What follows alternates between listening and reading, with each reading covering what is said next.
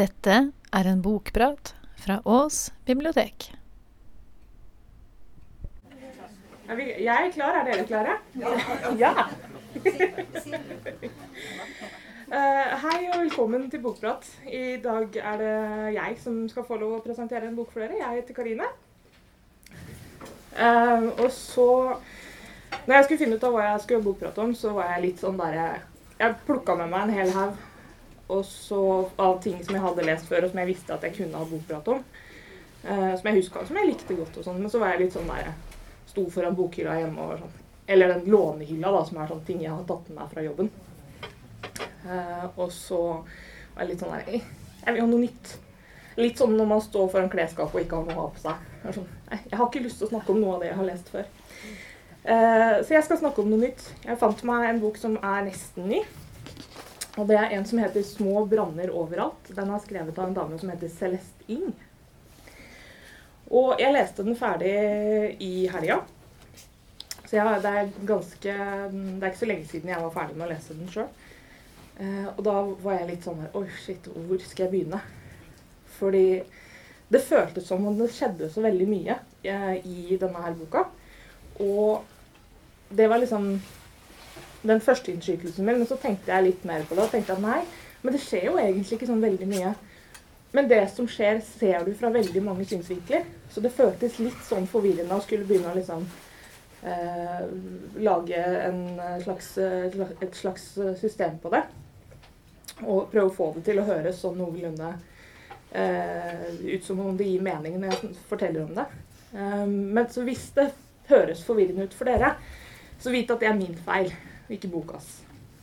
Så, men jeg tenker at jeg skal bare begynne på begynnelsen, ja, så ser vi hvordan det går. For små branner overalt begynner med en brann. Det begynner med at det er et eh, hus i Shaker Heights i Ohio som brenner nesten ned til grunnen. Det er huset til familien Richardson. Eh, og hele nabolaget er i sjokk. For sånt skjer bare ikke i Shaker Heights. Shaker Heights er en velstående forstad til eh, Cleveland. Og bor, de som bor der, de er høyt utdanna, de har gode jobber, de har hus i millionklassen. Det står gjerne tre-fire biler i garasjen. Eh, gjerne en båt, kanskje, nede ved marinaen ved innsjøen. Og det er også et sånt sted hvor folk ikke alltid tenker på å låse dørene om kvelden, fordi det, det føles så trygt og komfortabelt og godt. Og sånne skumle ting som skjer i verden utenfor, de skjer ikke i Shaker Heights. Og familien Richardson de er så nær vellykket amerikansk middelklasse som det går an å komme. Faren er advokat. Mor er journalist i lokalavisa. Og i hvert fall tre av de fire barna de er liksom på helt rett sti mot sånne prestisje, college, diverse sort. Eh, den yngste av barna derimot, den fjerde og yngste mann, Izzy, hun er familiens sorte får. Og det tar ikke så veldig lang tid før det begynner å hviskes og gå rykter om at det kanskje er hun som har satt fyr på familiehjemmet. For Izzy er nemlig sporløst borte etter denne brannen. Og boka det er egentlig i bunn og grunn en fortelling om alt som skjuler seg bak de fasadene vi setter opp for omverdenen.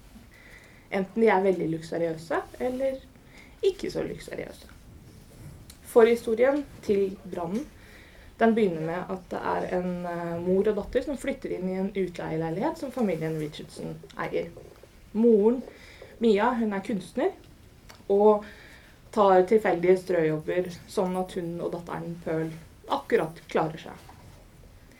Eh, de lever et ganske omflakkende liv fordi Mia alltid er på, jakt etter uh, inspirasjon.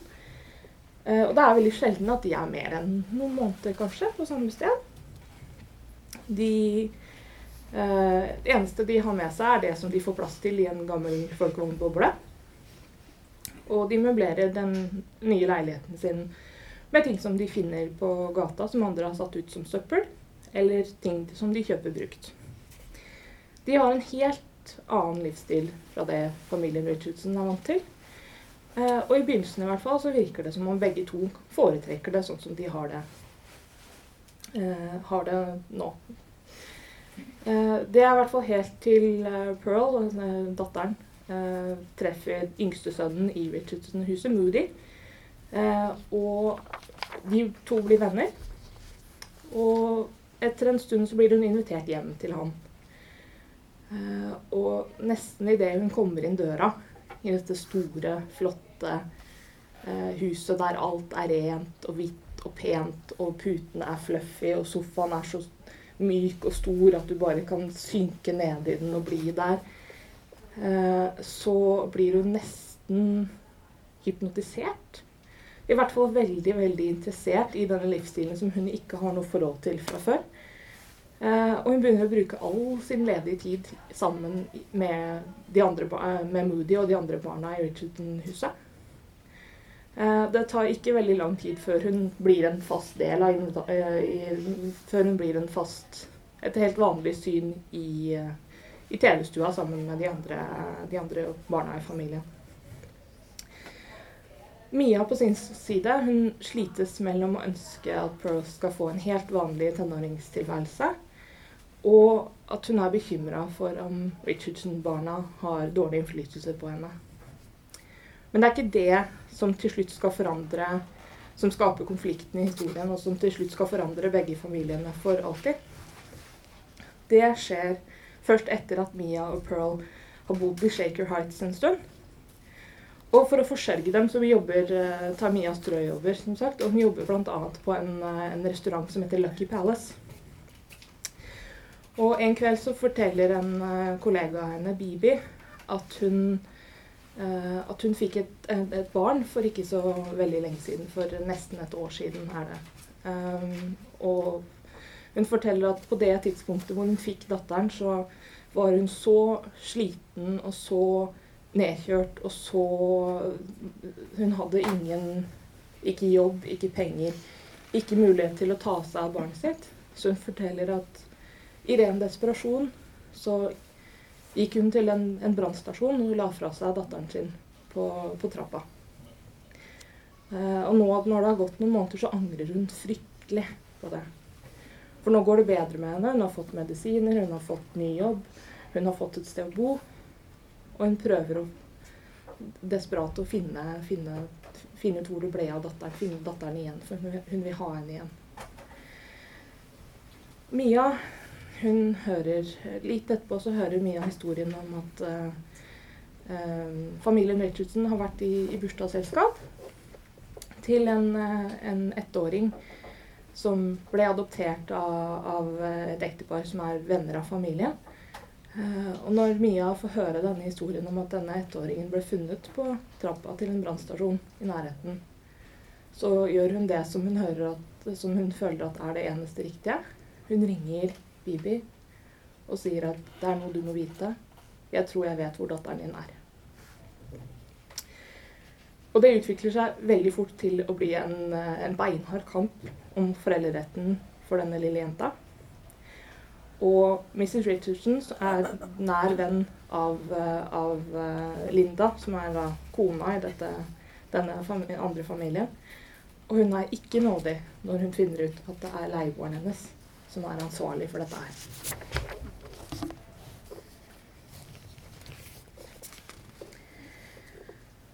I slutten av artikkelen sto en setning som fanget blikket til Mrs. Richardson.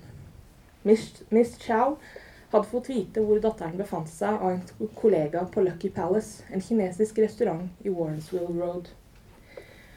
Det var forsiktig og anonymt formulert, og like fullt gikk det brått opp for henne hvem denne kollegaen måtte være. Det kunne ikke være tilfeldig, så det var leieboeren hennes, denne stille, vesle, gjøre alle til laks-leieboeren hennes, som hadde startet alt sammen, som av årsaker hun ikke kjente, hadde bestemt seg for å snu ekteparet, ekteparet McCullows liv på hodet. Mrs. Richardson brettet avisen pent sammen og la den på bordet. Nok en gang tenkte hun på Mias uvilje da hun tilbød seg å kjøpe et av fotografiene hennes, på Mias fåmælthet om sin egen fortid, på Mias, tja, utilnærmelighet, selv når hun tilbrakte flere timer hver dag i Mrs. Richardsons eget hjem, her på dette kjøkkenet. En kvinne hun betalte lønnen til, som hun subsidierte husleien til, hvis datter tilbrakte timevis under dette taket hver eneste dag. Hun tenkte på fotografiet på Kunstmuseet, som nå fikk et hemmelighetsfullt, lumsk skjær i minnet. For en hykler Mia var, som så sta holdt fast på privatlivet, men trengte inn på steder der hun ikke hørte til. Men det var slik Mia var, ikke sant?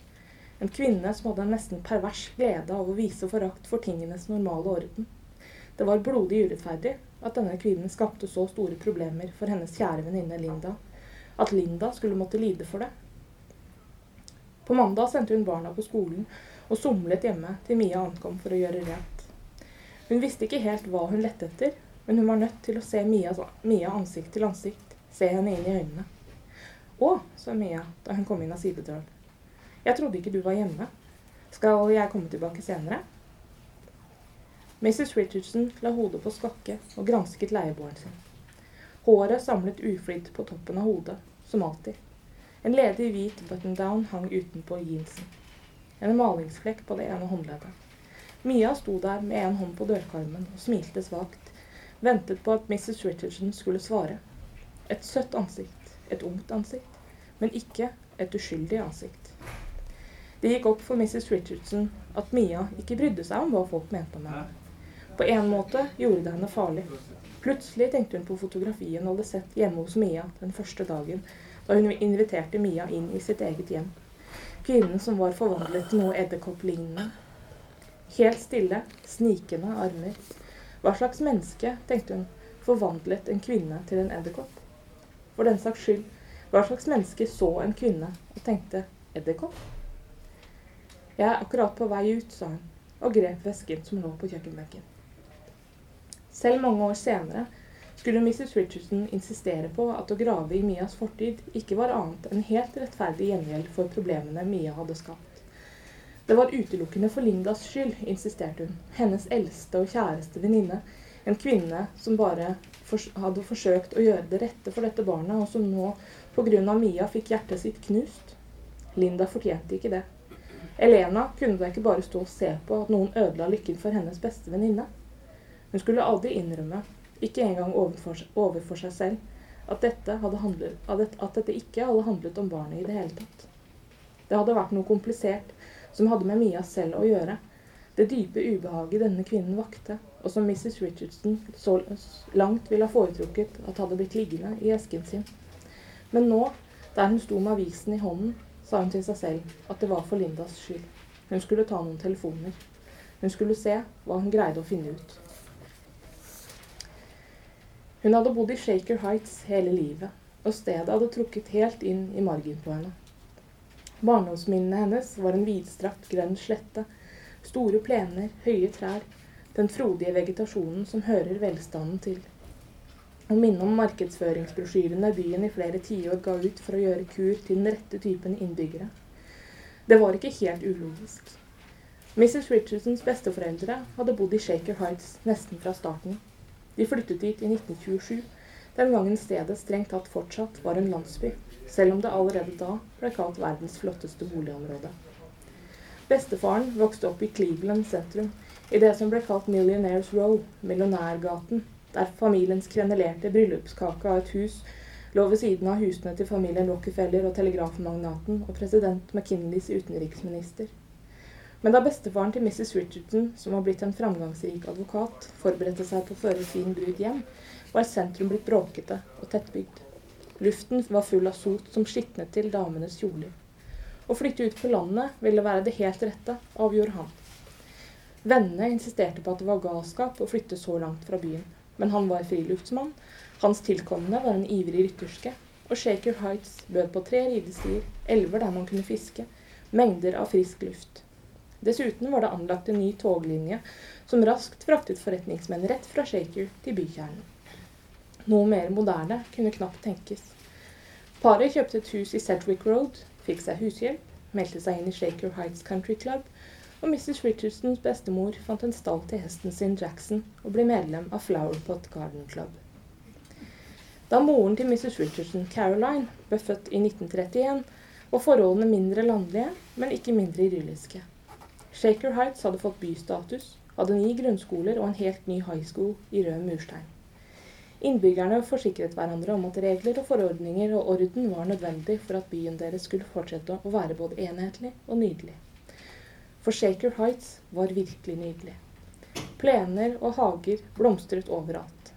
Innbyggerne lovet å alltid luke vekk ugress og dyrke bare blomster, aldri grønnsaker.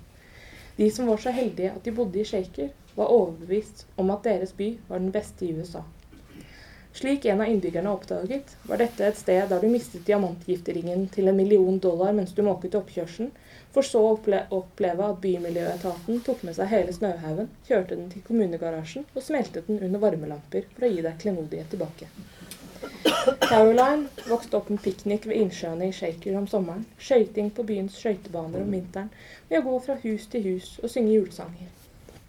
Hun så matinéforestillinger med Sydens sang og Anna og kongen av Siam på kinoen på Shaker Square, og ved spesielle anledninger, f.eks. på bursdagen hennes, tok faren henne med på Stufers Restaurant for å spise hummer til lunsj.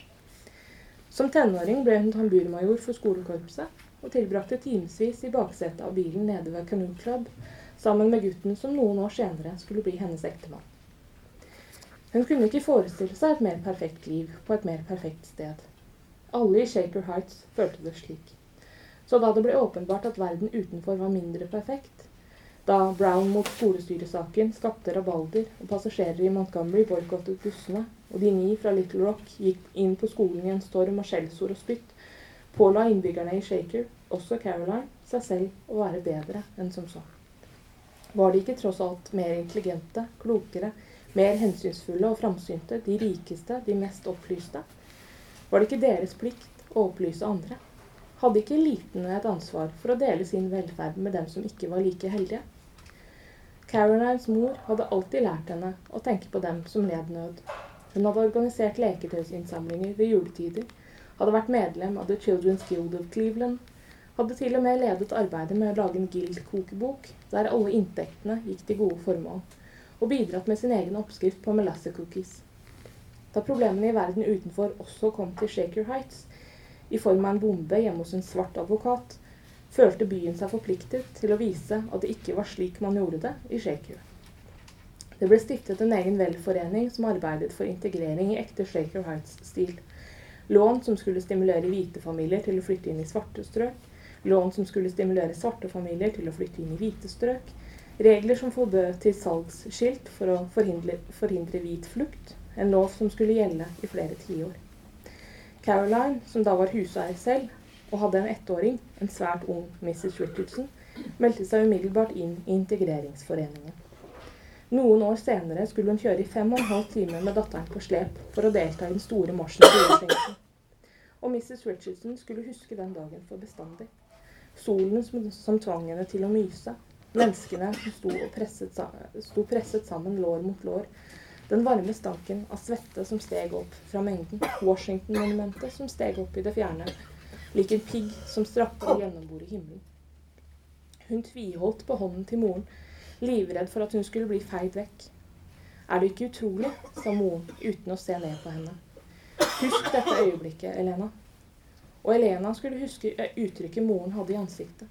Lengselen etter å bringe verden nærmere det fullendte som å dreie på stemmeskruen på en fiolin og gjøre tonen ren. Hun var overbevist om at det var mulig hvis du bare jobbet hardt nok for det, at ingen oppgaver kunne være for krevende. Men også tre generasjoner shaker-aktelse for orden og regler og sømmelighet skulle følge Elena, og hun skulle aldri helt klare å skape balanse mellom de to synene. I 1968, da hun var 15, slo hun på TV-en og så kaos flamme opp over hele landet lik rattbrann. Martin Luther King jr., deretter Bobby Kennedy, studentopprør på Columbia, opptøyer i Chicago, Memphis, Baltimore, Washington Overalt, overalt falt det fra hverandre. Dypt inni henne ble det tent en gnist. En gnist som skulle flamme opp i Issy mange år senere. Selvfølgelig forsto hun hvorfor dette skjedde. De slåss for å bli kvitt urettferdighet. Men noe i henne grøsset over bildene på skjermen. Kornete bilder, men ikke desto mindre skremmende. Matbutikker i brann, røyk som svulmet opp fra takene, veggene gnagd til stolper av ilden, taggete kanter av knuste vinduer lik hoggtenner i natten. Soldater som marsjerte med rifler forbi drugstores og myntvaskerier. Jeeper som sperret gatekryss under døde trafikklys. Var man nødt til å brenne ned det gamle for å gjøre rom for det nye? Teppet under føttene var mykt. Sofaen under henne hadde rosemønster. Utenfor kurret en sørgedue ved fuglemateren, og en Cadillac saknet farten og stanset verdig ved hjørnet. Hun lurte på hvilken verden som var virkelig. Da våren kom og protestene mot krigen brøt ut, satte hun seg ikke i bilen for å slutte seg til det. Hun skrev lidenskapelig lesebrev til avisen. Hun underskrev opprop for å få slutt på verneplikt, verneplikten til Vietnamkrigen. Hun sydde fast et fredstegn til ryggsekken sin. Hun flettet blomster i håret. Det var ikke det at hun var redd. Det var bare det at Shaker Heights, all idealisme til tross, var et pragmatisk sted. Og hun visste ikke om andre måter å være på. Et helt liv med praktiske vurderinger og bekvemmelighetshensyn la seg over gnisten i henne lik et tykt, tungt teppe. Hvor skulle hun sove hvis hun stakk av til Washington for å slutte seg til demonstrasjonene? Hvordan skulle hun være trygg? Hva ville skje med skolen? Kom hun til å bli utvist? Kunne hun fortsatt bli uteksaminert og begynne på college? Våren i fjerde klasse trakk Jamie Reynolds henne til side etter historietimen en dag. 'Jeg slutter', sa han. 'Stikker til California. Bli med'. Hun hadde forgudet Jamie helt siden syvende, og da han roste en, da han roste en sonett hun hadde skrevet til engelsktimen. Nå var han nesten 18, hadde langt hår, tjafsete skjegg, aversjon mot autoriteter. En folkevognbuss han sa de kunne bo i. Akkurat som camping, sa han, bare at vi kan dra hvor som helst. Og hun hadde så lyst til å bli med ham, hvor som helst. Til å kysse det skjeve, sjenerte smilet. Men hvordan skulle de ha råd til mat? Hvor skulle de vaske klær? Hvor skulle de vaske seg? Hva ville foreldrene si? Naboene? Lærerne? Vennene? Hun kysset Jamie på kinnet og gråt da han omsider var ute av syne. Flere måneder senere på Dennison satt hun og medstudentene og så på trekningen i vernepliktslotteriet på den kornete TV-skjermen i oppholdsrommet. Fødselsdatoen til Jamie, 7. mars, kom opp som nummer to. Han ble også en av de første som ville bli innkalt til krigen, tenkte hun, og hun lurte på hvor han hadde dratt. Om han visste hva han hadde i vente. Om han kom til å melde seg, eller om han kom til å stikke av. Ved siden av henne klemte Billy Richardson hånden hennes. Hans fødselsdato var en av de siste som ble trukket, og som student hadde han uansett fått innvilget, innvilget utsettelse. Han var trygg. Når de var ferdige med studiene, ville krigen være over, og de ville gifte seg, kjøpe hus, etablere seg. Hun angret ikke, sa hun til seg selv. Det hadde vært galskap i det hele tatt å vurdere det. Det hun hadde følt for Jamie den gangen, var bare en ørliten, kortlivet flamme. Hele sitt liv hadde hun lært at lidenskap, i likhet med flammer, var farlig. Det var så lett å miste kontrollen.